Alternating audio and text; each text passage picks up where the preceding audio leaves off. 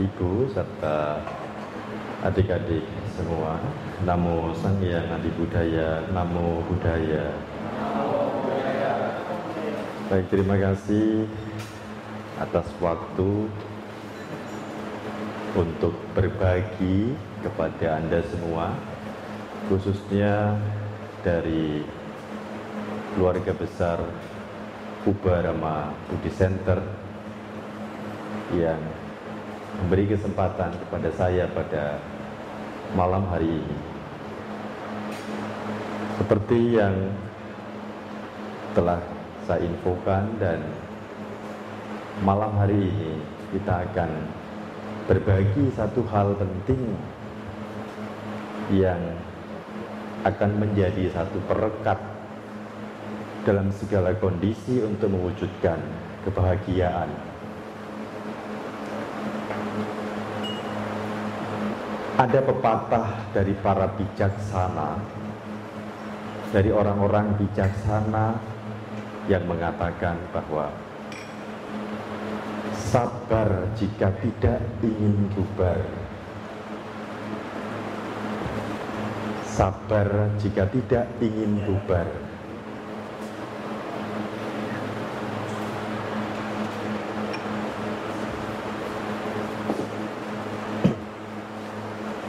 Kalimat bijak ini ini memiliki makna yang sangat dalam untuk segala kondisi. Baik itu kita dengan para sahabat. Jika kita tidak sabar, hubungan persahabatan akan bubar. Dengan pasangan hidup, Anda yang memiliki pasangan hidup, jika Anda tidak sabar menghadapi segala hal dalam komunikasi, menjalani kehidupan sebagai pasangan dalam berumah tangga, juga bisa bubar. Dalam hal hubungan anak dan orang tua, atau sebaliknya juga demikian. Jika dalam berinteraksi dan komunikasi yang kadang-kadang anak mengesalkan, menjengkelkan. Jika tidak sabar, juga akan bubar hubungan anak dengan orang tua. Demikian dengan pekerjaan yang sudah menguras begitu banyak energi dan melelahkan. Jika tidak sabar juga akan bubar. Bahkan Hal ini pun mendapat perhatian khusus oleh Buddha. Di hadapan 1250 biku, Buddha memuji tentang kata-kata sabar ini. Buddha mengatakan bahwa kesabaran ini merupakan praktek tapa tertinggi. Pujian ini atau kata-kata yang disampaikan Buddha ini mendorong kita untuk betul-betul memahami kata sabar. Maka malam hari ini saya akan berbagi kepada Anda mengenai hidup sabar batin damai. Hidup sabar batin damai. Kita akan belajar beberapa hal. Yang pertama mengenai sabar itu sendiri Kedua, mengapa kita sabar? Harus sabar. Yang ketiga, bagaimana untuk menjadi sabar? Yang keempat, manfaat-manfaat apa yang kita dapatkan dalam praktek-praktek kesabaran ini? Yang mana Buddha sendiri memuji bahwa kesabaran ini merupakan praktek tapa tertinggi.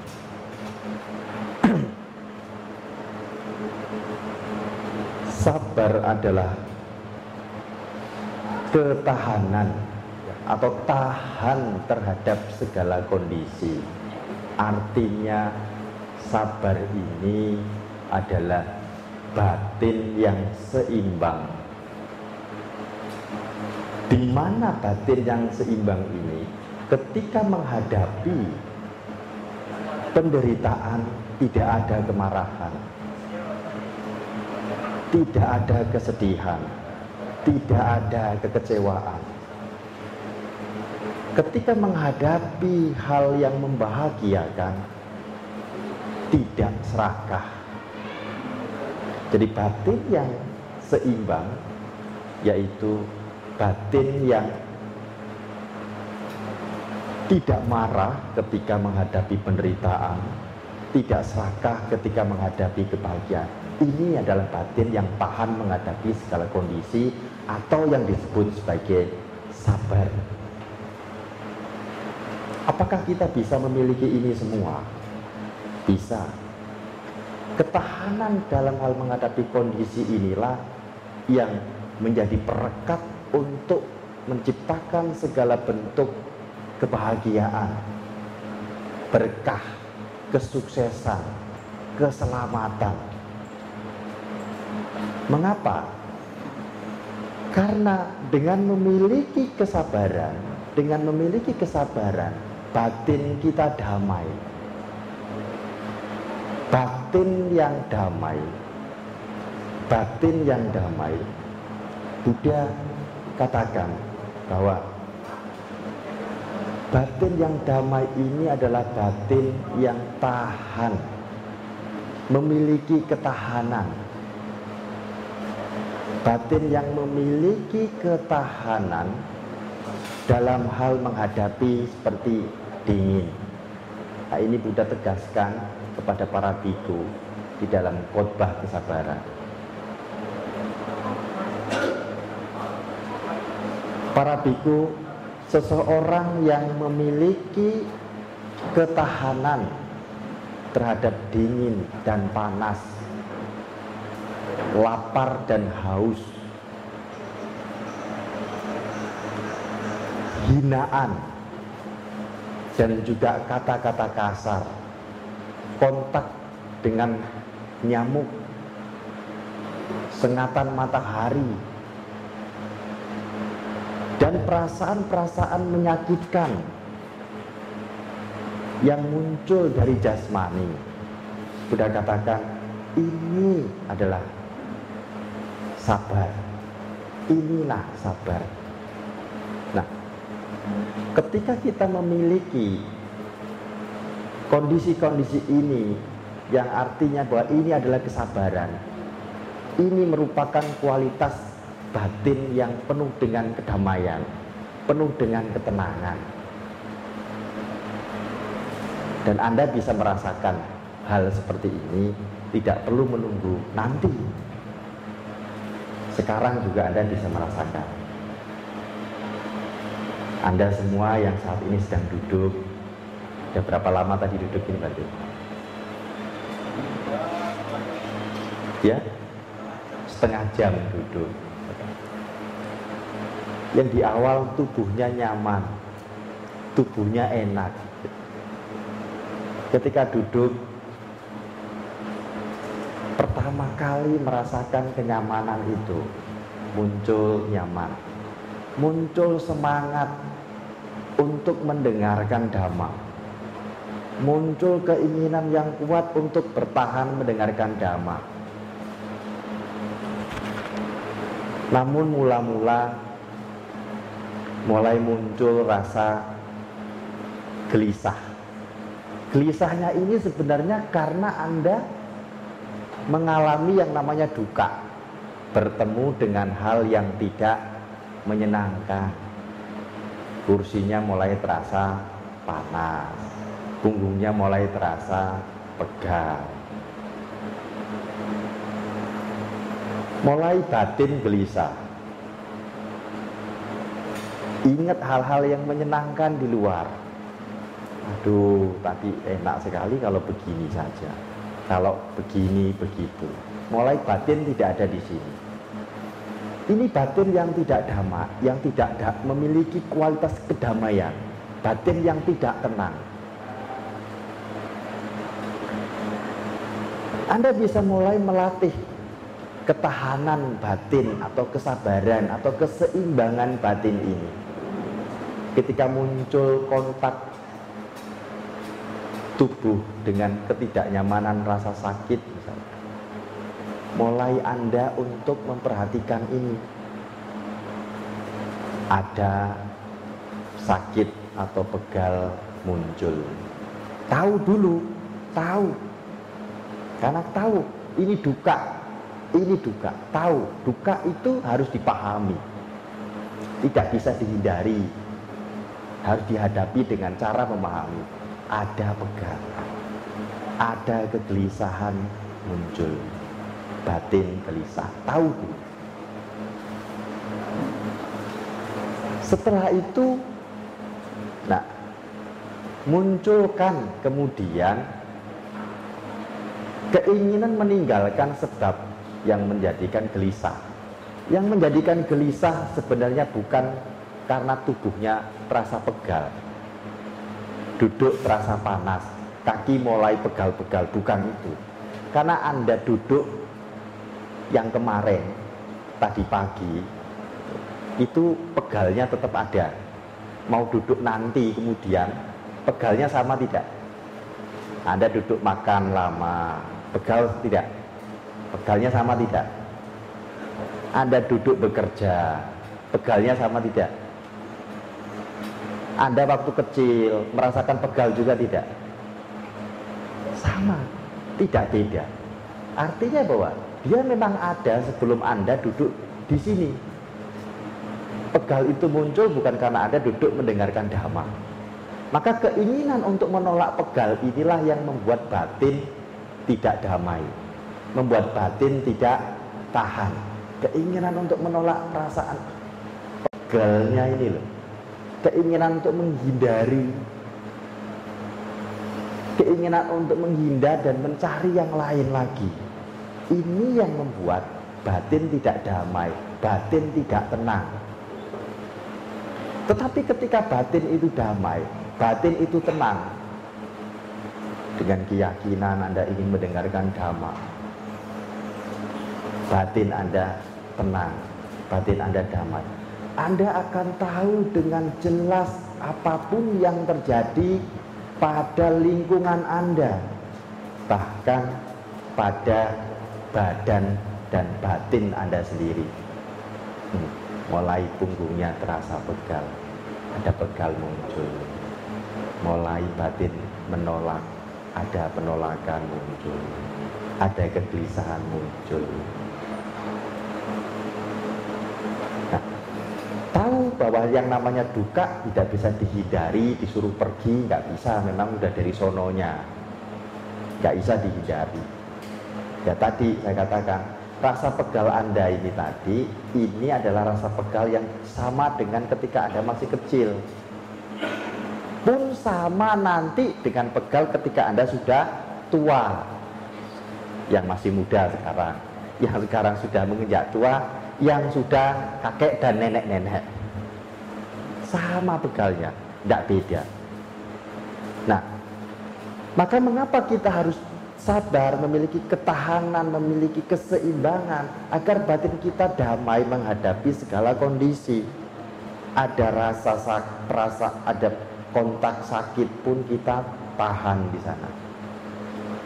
Apalagi mendengar, aduh, ini banting ngomongin saya ini. Nah, ini banting mau ngomongin saya ini pasti. Nah, ketika batin damai, ketika batin damai gitu. tahu bahwa memang damai ini untuk saya. Jadi kalau ini ngena ke saya ya benar gitu. Ba damai ini memang untuk saya. Ya betul batin saya sedang gelisah. Ya betul batin saya sedang tidak enak. Ini dikarenakan rasa pegal. Betul nih Banti ngomong betul ketika Anda tahan mendengar apa yang saya sampaikan, nah tidak menjadi persoalan. Tetapi ketika tidak tahan, nah nanti mulai menyindir-nyindir saya ini. Anda semakin gelisah karena Anda menolak kondisi ini. Ini persoalan baru lagi yang ditambahkan lagi di dalam batin. Semakin menolak, semakin menderita. Tetapi ketika batin Anda tahan untuk menerima, oh ini dhamma tentang kesabaran Oh ini menjelaskan mengapa kita perlu sabar. Oh kita harus damai. Ini yang kenapa kita harus damai?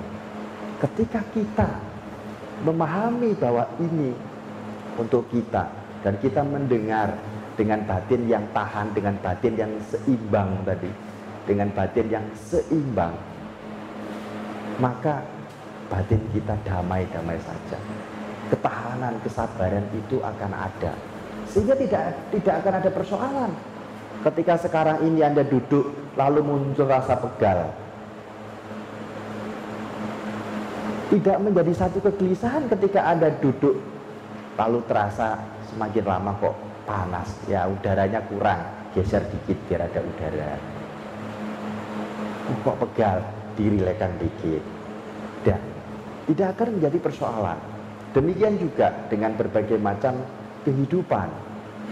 Ketika Anda dengan pasangan Anda menghadapi pasangan Anda yang kemudian tidak seperti yang biasanya karena mungkin punya ketidakterampilannya sedang muncul, ketidakbahagiaannya sedang muncul sehingga memiliki perilaku yang tidak menyenangkan. Tetapi ketika Anda damai, Anda bisa melihat kenapa dia berubah. Kenapa pasangan saya kok menjadi begini? Ada sesuatu ini pasti. Tetapi ketika batin itu tidak damai, batin tidak tahan, akan menjadi sebuah pertengkaran di situ. Ya tidak? Akan terjadi sebuah pertengkaran. Tetapi ketika tidak, batin damai, akan didengarkan dulu lalu ditanya, kamu kenapa sih kok begini? Demikian menghadapi anak anak yang di, begitu melelahkan, begitu melelahkan, begitu aktifnya dia, begitu ramainya dia. Tetapi ketika batin itu damai lalu paham, oh ini anak. Nah, ini kebenaran pertama itu memahami, oh ini anak-anak. Anak-anak anak saya ini aktif. Ya memang melelahkan, tapi menyenangkan. Nah, coba kalau anaknya diem, terus ngeces. Apa nggak repot? Ini yang menyedihkan. Ketika anak-anak kok rame ya namanya anak-anak. Kok mau tahu ini dan itu? Namanya anak-anak belum tahu dan dia ingin tahu berarti anaknya cerdas. Ketika kita mampu dengan batin yang damai melihat segala sesuatu secara objektif tidak terjadi persoalan. Tidak terjadi persoalan. Dengan pekerjaan di mana kita sudah menguras begitu banyak tenaga dan sebagainya, kok ternyata tidak sesuai dengan apa yang diharapkan. Ketika batin damai kita bisa melihat dengan objektif. Ketika batin tenang kita bisa tahan dari kemarahan.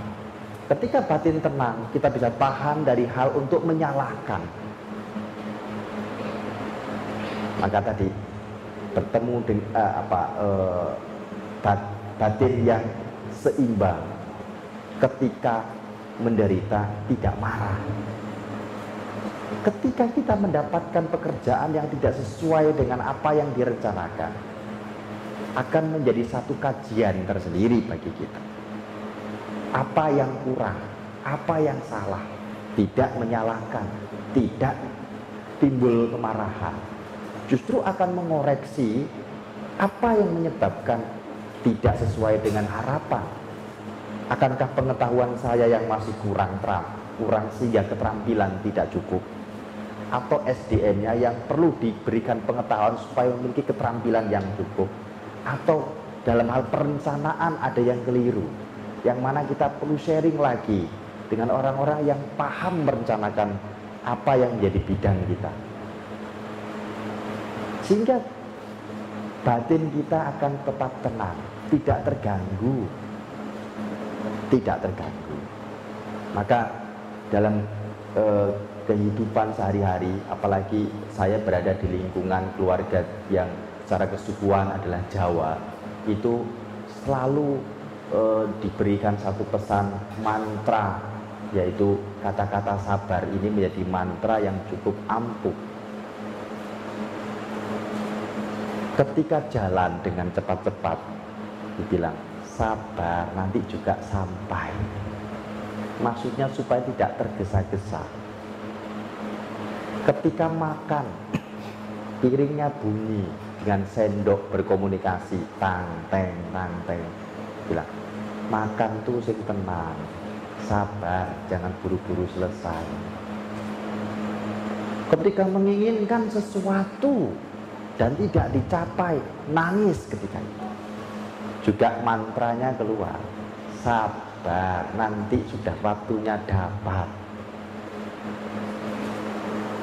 Ini mantra kalau dari keluarga saya ini mantra yang memang sudah ditanamkan sejak kecil. Tapi saya memahaminya justru baru-baru ketika betul-betul mempelajari dhamma bahkan melihat sendiri Buddha memuji akan kata-kata sabar ini yang mana merupakan praktek tapa tertinggi. Nah, mengapa kita perlu sabar? Ketika orang tidak sabar akan sulit mendapatkan kesuksesan. Karena pasti semua bisa bubar kalau tidak sabar. Semua bisa bubar. Hal-hal yang direncanakan semula sangat tertata sekali hanya gara-gara satu kekeliruan lalu muncul kemarahan, muncul kebencian. Yang terjadi adalah ketidakharmonisan dalam lingkungan itu maka menjadi tidak sesuai apa yang ingin dicapai.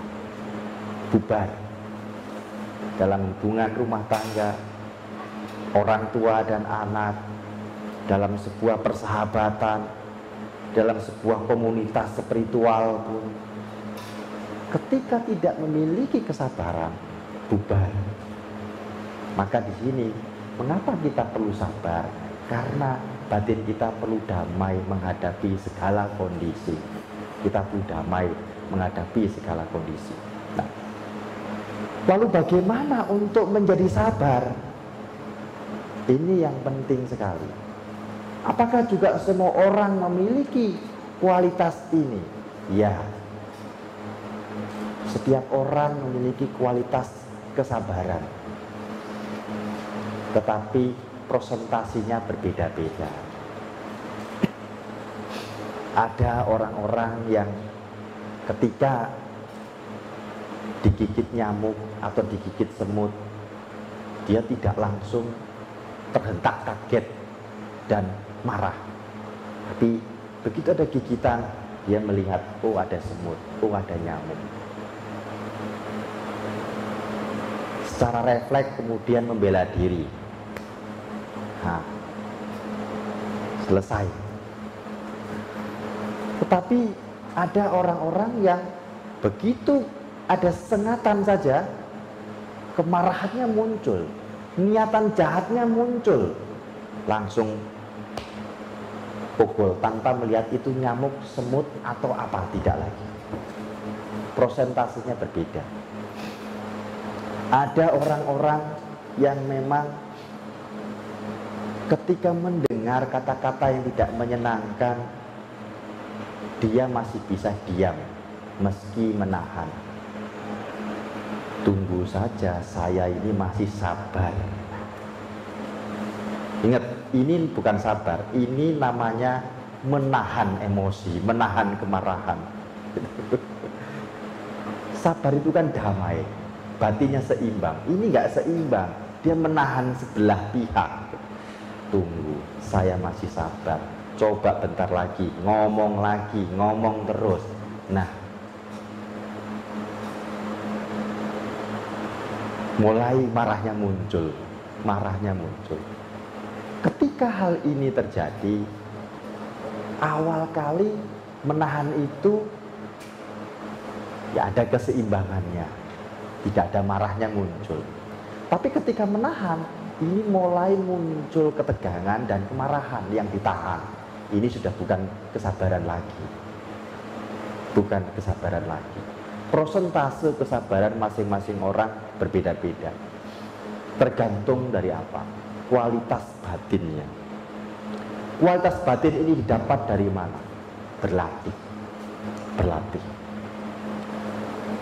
mau sabar lalu dibawa sembahyang oh Buddha beri saya kesabaran beri saya ketenangan lagi sembahyang di depan altar seperti ini anaknya teriak ma minumnya mana?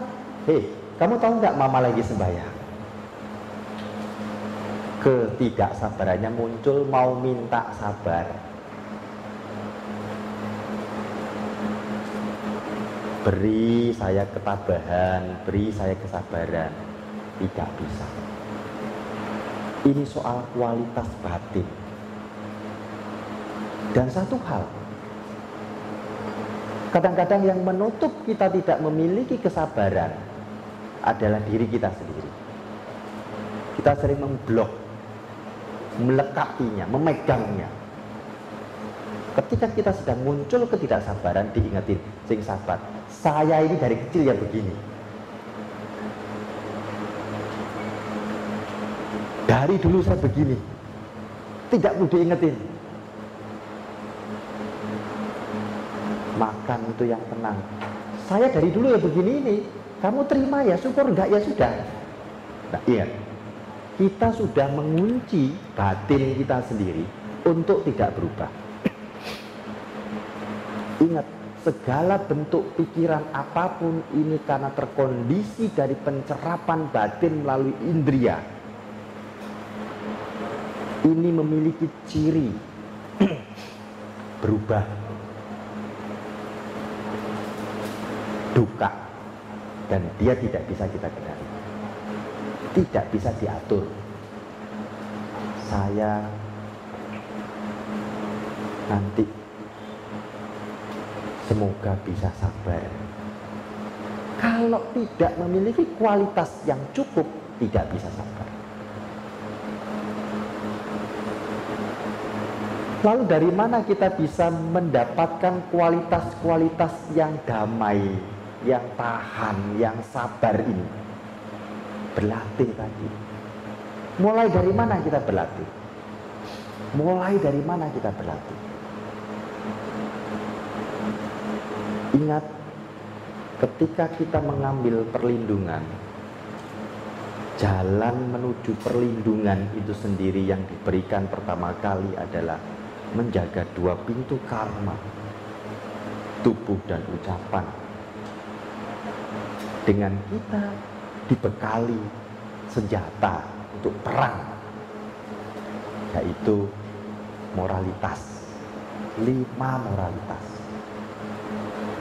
Jadi ketika kita ingin sabar kita harus memiliki perilaku yang baik dengan cara melatih kita melatih diri dalam moralitas. Tidak bisa tidak. Di dalam moralitas awal kali adalah dengan menahan diri. Ada kata-kata wira mani kalau dalam latihan kan seperti itu ya. Ada wira mani, menahan. Menahan. Apa yang ditahan? Dua pintu karma kita karena fungsi moralitas memang untuk dua pintu karma. Tubuh dan ucapan.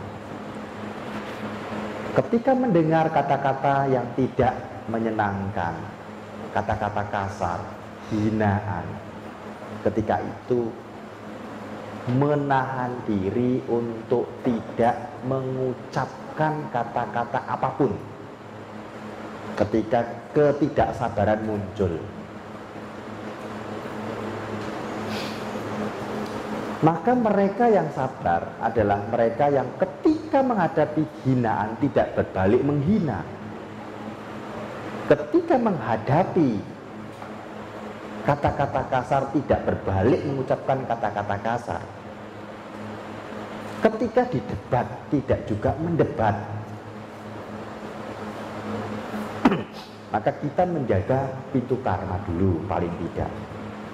Ketika mendengar hal-hal yang tidak menyenangkan untuk melatih kesabaran untuk menjaga perilaku dalam moralitas pertama tahan tidak bicara apa pun. Jadi cara latihan, menahan dulu, menahan dulu. Lalu tidak berbuat apa pun. Karena ketika batin dalam ketidaksabaran, perilaku tubuh pasti dalam kekejaman. dalam lingkup kekejaman. Gebrak meja, jalan pun yang tadinya tidak bersuara menjadi bersuara. Bicara pun yang tadinya pelan bisa teriak-teriak. Maka memiliki perilaku yang baik dengan menjalankan moralitas ini adalah cara meningkatkan kualitas batin agar memiliki kesabaran, menahan dulu. Tahan terhadap segala kondisi hingga batin memiliki keseimbangan. Hingga batin memiliki keseimbangan, tidak perlu menahan lagi nanti. Ketika sudah terbiasa, tidak perlu menahan ucapan, tidak perlu menahan apa perbuatan tubuh kita. Karena batin begitu kontak dengan objek yang tidak menyenangkan sudah mampu berdamai. Batinnya damai. Untuk memiliki kemurnian yang lebih jauh lagi terhadap munculnya ketidakterampilan dari dua pintu karma ini yang mencirikan ketidaksabaran, maka yang kedua adalah melatih batin kita dalam meditasi. Dalam meditasi. Jadi tiga pintu karma akan terjaga dengan baik. Tubuh, ucapan, dan batin kita. Karena yang tidak tahan atau yang tahan, yang disebut seimbang atau tidak seimbang tadi adalah batin, bukan yang lain. Bukan yang lain. Batin yang seimbang maka batinlah yang juga harus dilatih dengan cara apa? Meditasi. Maka maka kesabaran ini tidak bisa diminta atau kesabaran ini turunan. Ya, orang tuanya sabar, anaknya menjadi sabar. Belum tentu. Belum tentu. Ya mungkin ada yang orang tuanya sabar. Anaknya juga sabar karena mencerap melihat bagaimana cara orang tua merespon sesuatu. Ini menjadi satu pengetahuan yang menjadi satu keyakinan dan karakter dari anak tersebut.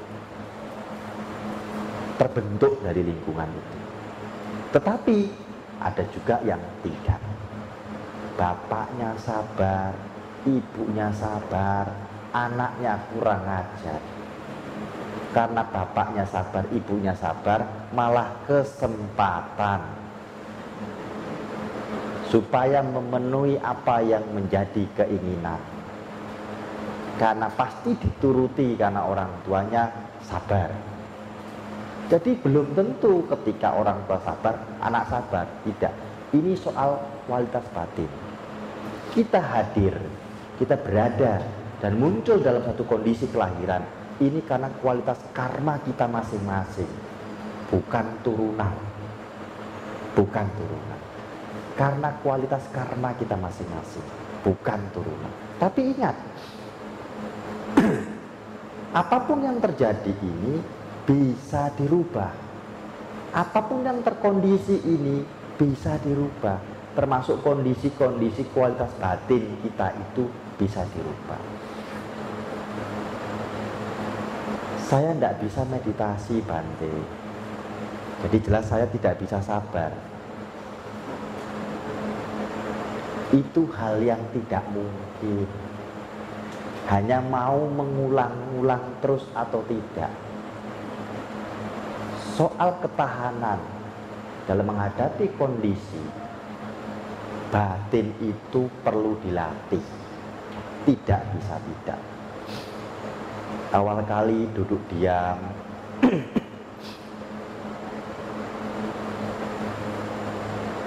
Hanya tahan lima menit. Mampu seimbangnya lima menit. Mampu damai lima menit. Ada suara?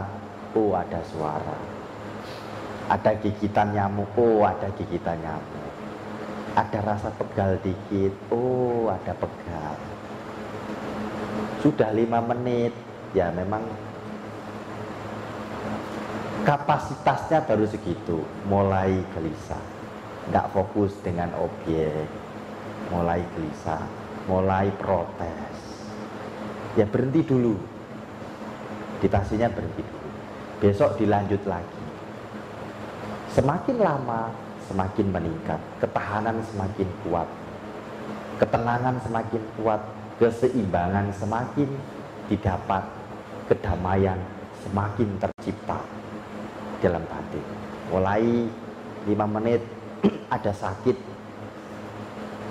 cukup tahu ada sakit muncul diperhatikan dirilekkan kembali pada objek mulai meningkat jadi 10 menit mulai meningkat lagi dan meningkat lagi batin diajak untuk berlatih seimbang ketika melihat sesuatu ada rasa tidak nyaman ditetap dikondisikan tenang mendengar suara apa pun diajak untuk seimbang juga suara-suara.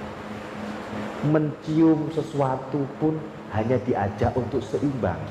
Bau, bau, bau. Melihat sesuatu pun diajak untuk seimbang. Melihat, melihat, melihat. Muncul bentuk pikiran ketika belum mampu mengidentifikasi bentuk pikiran itu apa. Pun hanya diajak untuk seimbang berpikir ini latihan kesabaran ini melatih kesabaran maka kenapa kesabaran dikatakan praktek tapa tertinggi kalau nggak sabar nggak jadi meditasi kalau nggak sabar nggak jadi duduk untuk meditasi kalau nggak sabar nggak jadi latihan kan uh, apa sama Nera ini udah berapa lama? Ah tiga minggu. Kalau nggak sabar sudah pulang. Saya pernah ada sama Nera itu ikut saya semangatnya keinginannya luar biasa untuk berlatih tapi memang batinnya rapuh pakai jubah kepanasan gelisah. Akhirnya lepas. Hanya gara-gara pakai jubah kepanasan. Padahal pakai baju juga saya tanya, pakai baju juga pernah kepanasan? Iya, ya sudah sama saja. Ya kalau kepanasan ya masuk di dalam dilepas toh mau ada amsa di dalam pakai kipas. Sudah selesai. Tetapi karena batin tidak sabar, bubar latihannya. Batin tidak batin tidak sabar, bubar latihan. Hanya gara-gara panas pakai jubah, bubar latihan. Nah, maka dua cara ini untuk mendapatkan kesabaran bukan dengan berdoa memohon kepada Buddha supaya diberi kesabaran. Tidak bisa. Buddha saja Buddha saja mendapatkan kesabaran itu berlatih selama empat asan kea seratus ribu kalpa kehidupan. Berlatih untuk sabar menghadapi kondisi-kondisi yang menyerang indrianya dan mengganggu batinnya. Itu sampai beliau mampu kemudian duduk diserang oleh uh, kelompok dewa yang memang tidak suka dengan panah beliau bisa memunculkan satu kondisi-kondisi yang kemudian menahan panah itu menjadi bunga.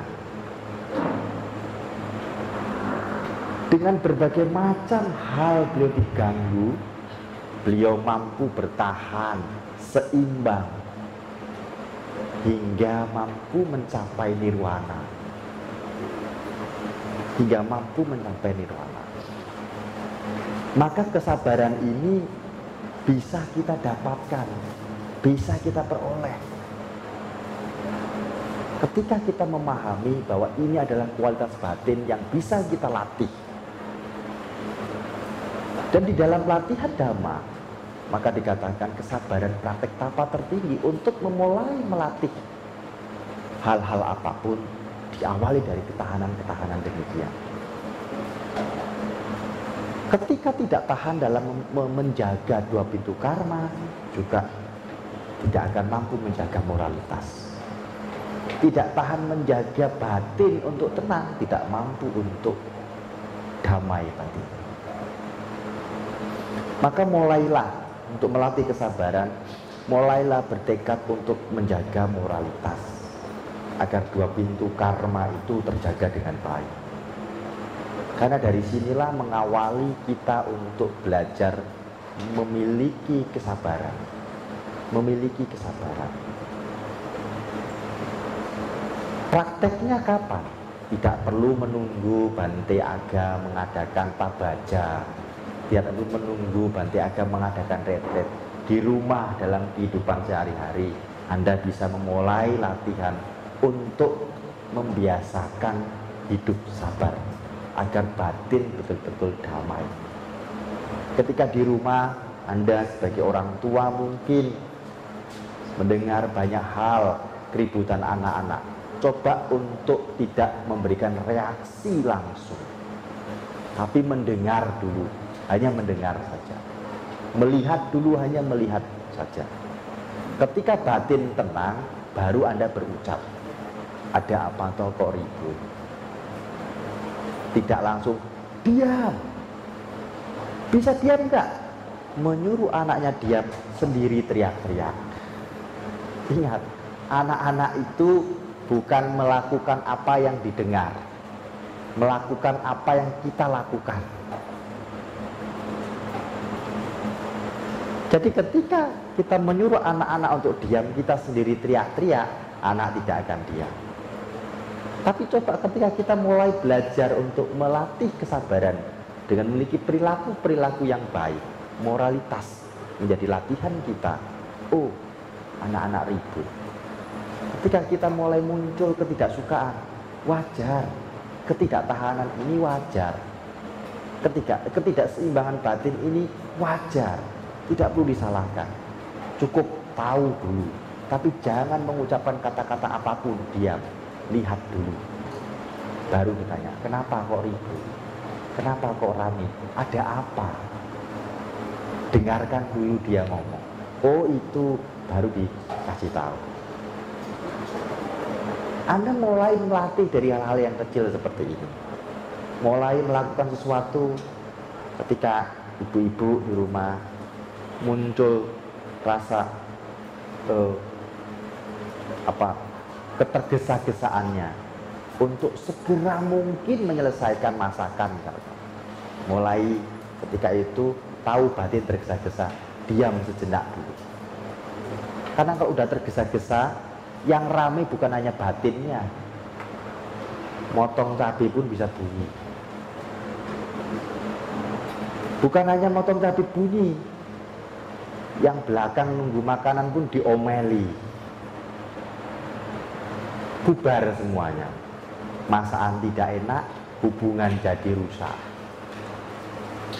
Tetapi ketika muncul ketidaktergesa Anda menyadari Anda ingin melatih kesabaran ini, mulai Anda menjaga dua pintu karma. Tidak usah mengucapkan apa pun, tidak usah melakukan apa pun dulu, sejenak saja. Seperti 30 detik saja, berhenti dulu. Batin supaya damai, ajak dia memperhatikan nafas 30 detik saja kok. Nggak mengurangi kegosongan saya kira. Berhenti 30 detik dulu. Oke. Sudah tenang baru lakukan lagi. Ini dilatih terus menerus terus menerus setiap waktu setiap saat dilakukan terus menerus ada waktu pagi mulai duduk meditasi. Bangun tidur mau tidur. 5 menit 10 menit saja untuk duduk diam. Ini mulai melatih batin untuk memiliki ketahanan, mulai melatih batin untuk seimbang. Dan ini akan menjadi satu kebiasaan ketika batin nanti kontak dengan apa pun melalui indera kita. Akan menjadi kebiasaan bereaksinya tenang, bereaksinya tidak terburu-buru, tenang. Bereaksinya tidak dengan kemarahan. Ini akan menjadi kebiasaan. Nah, ketika kita memiliki moralitas dan memiliki kualitas batin yang damai dari meditasi, sehingga kita sabar ini tadi, apa sih manfaat yang kemudian didapatkan? Sehingga Buddha pun memuji kesabaran. Ada lima manfaat yang didapatkan bagi mereka orang-orang yang sabar. yang pertama, mereka tidak memiliki musuh. Mereka disukai dan disenangi banyak orang. Orang-orang yang sabar akan disenangi dan disukai banyak orang. Tidak memiliki banyak musuh. Ini adalah yang pertama yang akan dia dapatkan. Sehingga orang-orang sabar ke mana pun dia pergi, di mana pun dia berada, dia tidak penuh dengan ketakutan. Tidak penuh dengan ketakutan baktinya tidak diliputi ketakutan karena kesalahan. Karena kesalahan. Karena dia melakukan sesuatu itu selalu dengan hati-hati. Sehingga dia tidak memiliki kesalahan. Orang yang sabar itu kan tenang. Orang yang sabar itu damai batinnya. Orang yang sabar itu sangat hati-hati. Maka dia ke mana pun tidak punya musuh. Dia disenangi banyak orang. Maka yang kedua, dia tidak memiliki. Dia ke mana pun pergi tidak penuh dengan ketakutan. Tidak ada penyesalan di dalam dirinya.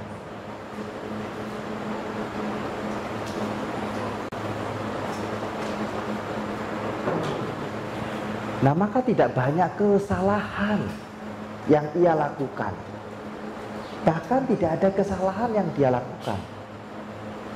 Orang-orang yang memiliki ciri-ciri ini, dia tidak punya musuh, dia disenangi banyak orang, lalu dia sendiri tidak penuh dengan ketakutan dan penyesalan, dia sendiri tidak banyak kesalahan, batinnya tenang, batinnya tenang. Orang-orang yang memiliki batin tenang seperti ini menghadapi sesuatu penuh dengan damai. Demikian juga tidur pun bisa nyenyak, bisa tenang. Bahkan ini yang paling penting, menghadapi kematian dia pun tenang. Karena sudah biasa batinnya damai. Batinnya damai, sudah terbiasa pintu-pintu karmanya itu terkendali. Terkendali. Menghadapi kematian tidak ada penyesalan, batinnya tenang. Menghadapi kematian dia tidak punya banyak kesalahan, batinnya tenang. Dia pun tidak punya ketakutan karena juga semua orang senang. Semua orang cinta kepadanya, sayang kepadanya batin tenang menghadapi kematian. Nah, batin yang tenang menghadapi kematian ini, ini mengkondisikan kelahiran di alam bahagia, bahkan di alam surga. Maka Buddha mengatakan, mereka yang memiliki kesabaran demikian, keyakinan yang kuat, batinnya sabar, dia menghadapi kematian tidak dalam kebingungan. Ketika dia tidak, ketika dalam kehidupan ini dia tidak mencapai nirwana, dia akan terlahir di alam bahagia, di alam surga. Tetapi jika dia memiliki kebajikan yang cukup, dia tahan menghadapi segala hal, baik itu yang muncul melalui kontak indrianya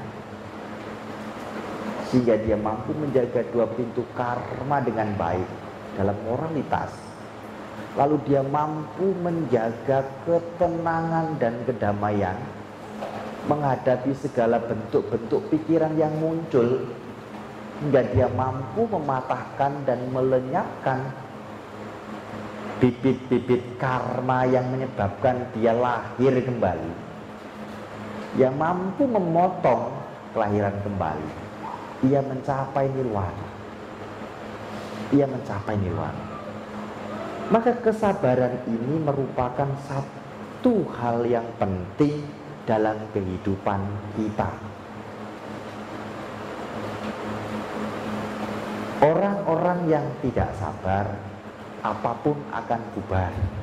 Ingat, orang-orang yang tidak sabar, apa pun yang dilakukan tidak akan sukses. Semua akan bubar. Maka mari kita bersama-sama mulai melatih kesabaran ini dengan menjalankan moralitas sebagai satu landasan untuk melatih kesabaran.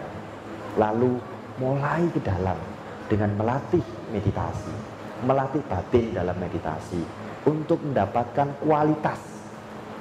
Tidak hanya mengendalikan dalam kesabaran tetapi mendapatkan kualitas kualitas kesabaran sehingga kita memiliki rentan waktu, rentan kekuatan yang panjang batin kita dalam merespon sesuatu artinya memiliki kualitas kesabaran yang lebih meningkat lagi. Karena orang yang hidup sabar selalu dalam kesuksesan, selalu dalam keselamatan, selalu dalam kebahagiaan, baik di kehidupan sekarang maupun di kehidupan mendatang. Bahkan ini mengkondisikan hal-hal baik untuk mencapai nirwana. Nah, demikian yang bisa saya sampaikan sebagai satu pengetahuan dan gambaran mengenai hidup sabar, batin, damai. Ya, mari kita akhiri pertemuan malam hari ini dengan aspirasi dan pelimpahan jasa. Kita bangkitkan kebahagiaan dari pengetahuan-pengetahuan dan praktek dharma serta moralitas yang kita lakukan. Mari kita lakukan aspirasi dan pelimpahan jasa. Ikuti yang saya ucapkan sebagai bimbingan dalam aspirasi dan pelimpahan jasa. Dengan kebajikan ini, semoga mengkondisikan kebahagiaan, dan kesejahteraan, hingga tercapainya nirwana. Saya berbagi, berkah kebajikan ini, kepada kedua orang tua, guru, saudara, sahabat, semua mendiam semua dewa, dan semua makhluk. Satu, satu, satu. Terima kasih. Namo Sang Yang Adi Budaya, Namo Budaya. Namo Budaya.